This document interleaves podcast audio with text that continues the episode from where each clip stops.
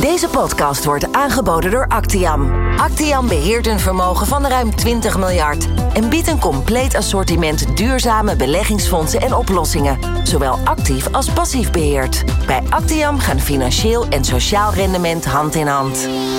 Actiam is responsible for growth. Welkom bij alweer de derde reeks van de Actiam podcastserie Beleggen met Impact. In deze podcast bespreken we of duurzaam passief beleggen in de praktijk mogelijk is. Ik ben Ron Lemmens en vandaag spreek ik met Caspar Snijders, portefeuillemanager binnen het aandelenteam van Actiam. Caspar werkt al ruim vier jaar in de financiële sector.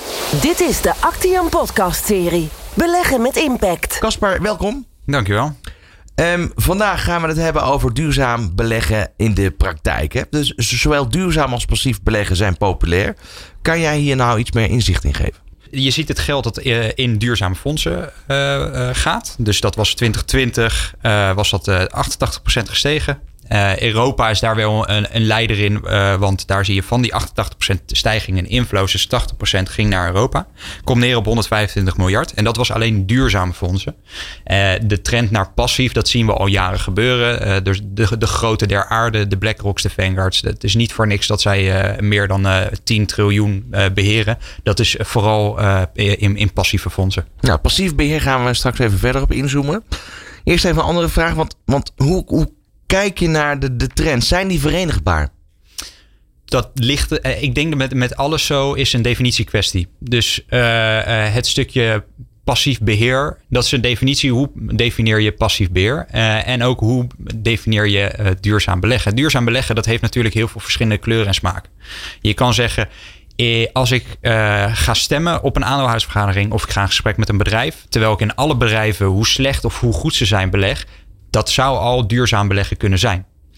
Um, en bij passief is uh, in, de definitie is eigenlijk ik beleg in de hele alle beursgenoteerde aandelen. Dus dat betekent dat je ook in Oeganda belegt, ook in Thailand, ook in de US, dus overal ter wereld. Nou ja, ook in de superkleine bedrijven. Uh, en waar je daar tegenaan loopt, is dat is gewoon niet efficiënt. Dat kost veel geld. Dus passief beleggen in de, in de essentie dat werkt niet. En dat werkt voor 90% tot, tot 99% voor de markt zou dat niet werken. Dus die definitie is opgeschoven naar een benchmark, een mandje met aandelen dat voorgeschreven wordt door een derde partij. Dat is de brede markt. Nou, zo kan je kijken naar een MSCI World, uh, uh, een S&P. Dat is de brede markt, of dat is de Amerikaanse markt. Ja. Oké, okay, want, want, hoe ja. kijk je aan bijvoorbeeld tegen die ESG uh, benchmark, zoals de MSCI Paris Aligned benchmark of de MSCI SR AI, benchmark? Uh, daar gaat het ook dus weer de definitiekwestie. Wat, wat vind ik passief beleggen? Ik denk dat passief beleggen uh, he, zo, zo goed mogelijk proberen om een fonds de, het rendement te geven als de brede markt. Nou, die brede markt kan je, zoals ik hem eerder heb gedefinieerd, alle aandelen. Nou, daar zijn we van af. Dat kan je nauwer definiëren. Uh, dus bijvoorbeeld een MSCI World, MSCI Europe, MSCI U, North America. Dat zijn nog steeds brede markten. Hoe verder je van de definitie brede markt af gaat stappen, is hoe actiever je wordt. Dus bij een MSCI Paris Align benchmark um, ga je nog meer bedrijven uitsluiten en ga je de weging anders maken. Is dat nog de brede markt? Dat is de eerste vraag. De tweede vraag met zo'n ESG-benchmark is: doe ik nou echt wat ik wil doen? Dus als jij veel meer gaat uitsluiten, beleg ik dan duurzamer omdat ik meer bedrijven uitsluit? Maar is dat dan ook minder duurzaam omdat ik ook niet meer met uh, de slechtere bedrijven in gesprek kan gaan om hun beleid uh, te verbeteren? Ja, dus je kiest eigenlijk nog meer niche, ja. nog meer doelgericht. Uh, maar het effect kan daardoor wel ook afnemen eigenlijk als het ware op ja. de verduurzaming. Ja, dus je bent actiever bezig. de impact op de bredere wereld, ik denk die, die zal minder zijn. Want ja. als je je geld gaat verschuiven zonder dat je daadwerkelijk probeert om bedrijven duurzamer te maken uh, dat is ook weer een vraag. Is die de, je definitie van duurzaam beleggen, past die dan nog?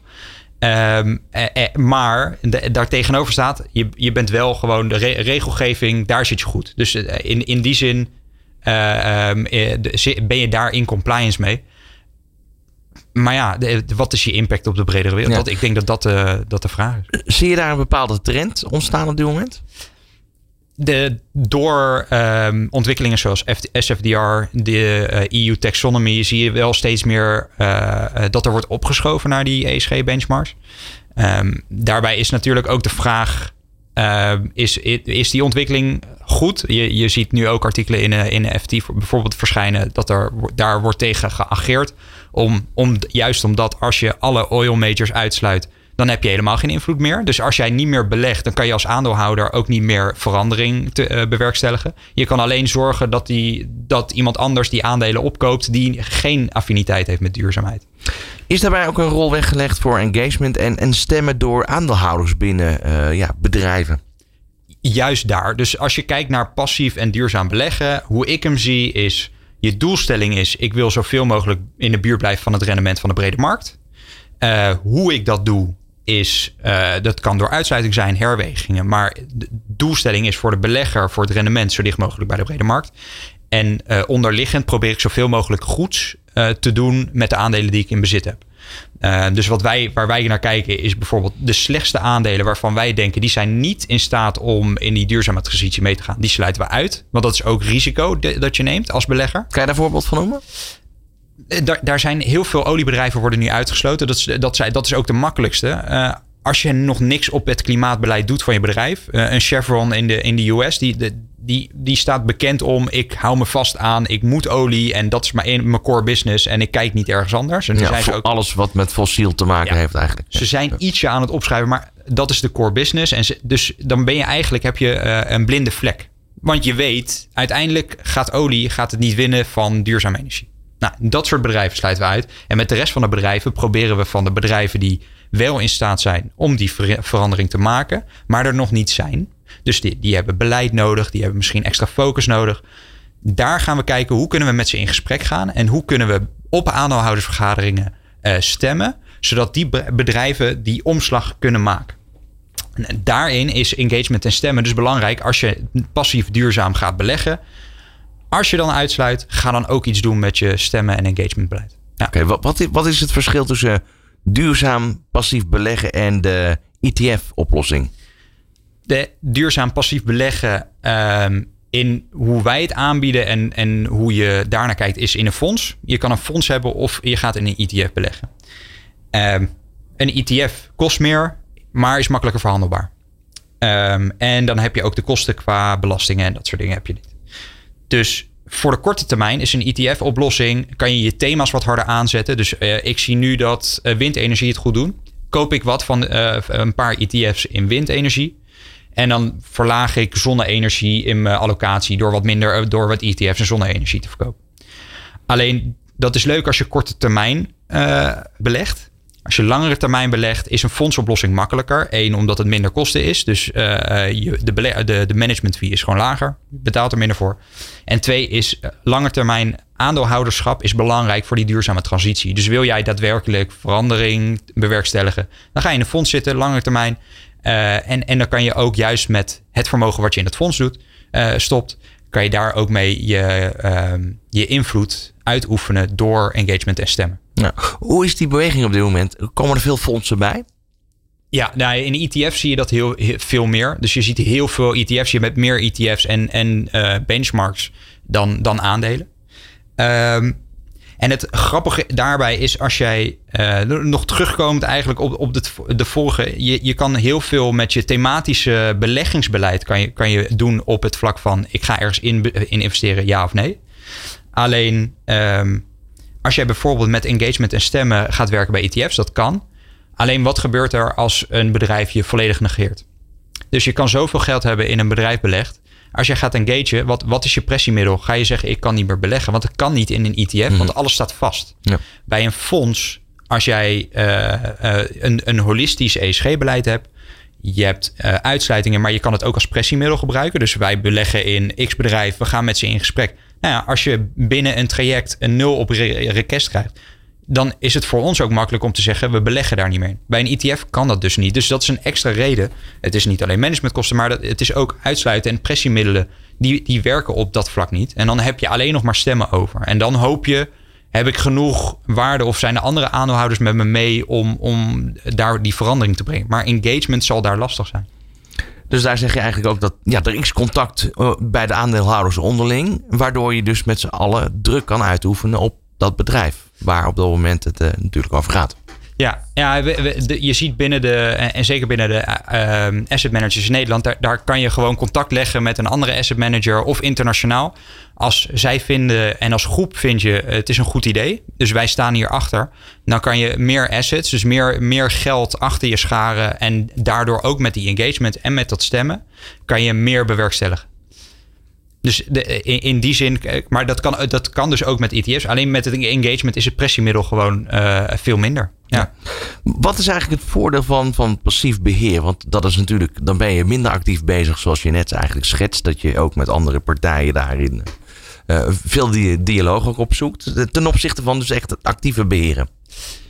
Ja, bij actief beheer um, is ook het doel om uh, outperformance te leveren. Dus ik ga meer rendement maken dan de brede markt. Dat is het voordeel van actief beheer. en voor passief beheer, bij actief beheer, als je dus ook meer rendement wil maken, ga je meer risico nemen. dus je gaat afwijken van de benchmark. Eh, en bij een passief, eh, passief mandaat of een passief fonds is dat veel minder het geval. Dus je risico is minder. En als jij dat dan duurzaam in, uh, inregelt, heb je dus ook minder duurzaamheidsgerelateerde risico's. Dus in, in dat passieve stuk kan je nog wel ook dat, dat ESG-risico kan je verminderen. In actief kan je dat ook verminderen. Alleen ga je dus op aandeel specifiek ga je meer risico's nemen. En het kost meer. Dus dat, dat, is, dat is de afweging die je moet maken. Het kost meer, kan je meer opleveren. Uh, maar ja, je neemt wel meer risico dan, dan het stukje passief. Ja. Nu, nu, zie je ook een, een ontwikkeling, een trend waarin veel consumenten eigenlijk ook aan het beleggen geslagen zijn. Hoe kijk je daar tegenaan? Ja, dat, dat is de manier waarop is de vraag uh, of het verstandig is. En zeker op het duurzaam vlak het is interessanter om in hele duurzame aandelen te zitten. Zeker voor je eigen portefeuille. Is het slim? Dat is een vraag. Want als jij, uh, je moet een goede maag hebben om in nieuwe technologieën bijvoorbeeld te, te beleggen. Um, als jij in onontwikkelde. Dus we hebben bijvoorbeeld. We weten allemaal de lithium-ion batterij in mobieltjes. Hè, dat, dat, dat, die zitten in Tesla's, die zitten in elektrische auto's. Nou zijn daar ook partijen bezig. Die zijn met een nog een betere batterij. Daar kan je in beleggen. Het is een heel klein bedrijfje of een kleine bedrijfjes. Maar ja, gaat het redden, weet je niet. Maar het is wel leuk om, om erin te beleggen. Dus voor, voor particulieren is het uh, veiliger om het gewoon in de brede markt te stoppen. Alleen moet je niet denken dat je je geld verdubbelt binnen een jaar. Hoe zie jij de toekomst van uh, duurzaam passief beleggen? Ik denk dat je op een holistische manier ESG en duurzaamheid uh, moet, moet inregelen in je beleggingsbeleid. En dat betekent dat uh, je moet dicht bij de essentie blijven van passief beleggen. Dus zoveel mogelijk proberen om de brede markt te evenaren. Dat betekent, je kan dat uh, uit elkaar trekken. Dus je hebt wereld wel en dat kan je nog in regio's doen. Maar ga je terugschalen of ga je nog wat meer op de benchmark uitvoeren. Dat is hoe actiever je wordt. Dus ga ik nog naar een ESG-benchmark, word je weer actief. Ik denk dat je zo breed mogelijk moet, moet blijven. En dat je binnen je ESG-beleid kan zeggen: ik beleg niet in deze aandelen. Ik ga uh, in gesprek met deze uh, bedrijven. En ik ga zoveel mogelijk proberen om de aandelen waarin ik beleg. Uh, naar een betere impact te geven op, op de maatschappij. Als we deze vraag nu ontvlechten, hoe zou je hem dan kunnen uitleggen? Je hebt aan de ene kant heb je institutionele beleggers die aan de wet en regelgeving moeten voldoen. Dus die zien ook de regels van EU-taxonomie, SFDR, eh, waarbij je in compliance moet zijn met een, uh, een CO2-pathway, dus naar net zero of naar een Parijsakkoord. Dan is de vraag, ga je dat doen met een ESG-benchmark? Ga je dat doen met een Paris-Align-benchmark? Of ga je dat implementeren in je beleggingsbeleid? Dat is de eerste vraag. Nou, als je een ESG-benchmark zoals een Paris-Align-benchmark neemt, dan ga je wel een actievere stap nemen dan, dan wanneer je zegt: ik ga een brede, uh, brede benchmark trekken. Dus dat moet je al in je achterhoofd houden. Ook voor je pensioen, uh, ook voor verzekeraars, uh, pensioenfondsen en verzekeraars. Als je zo'n benchmark verkiest boven een brede markt, dan ga je risico's nemen.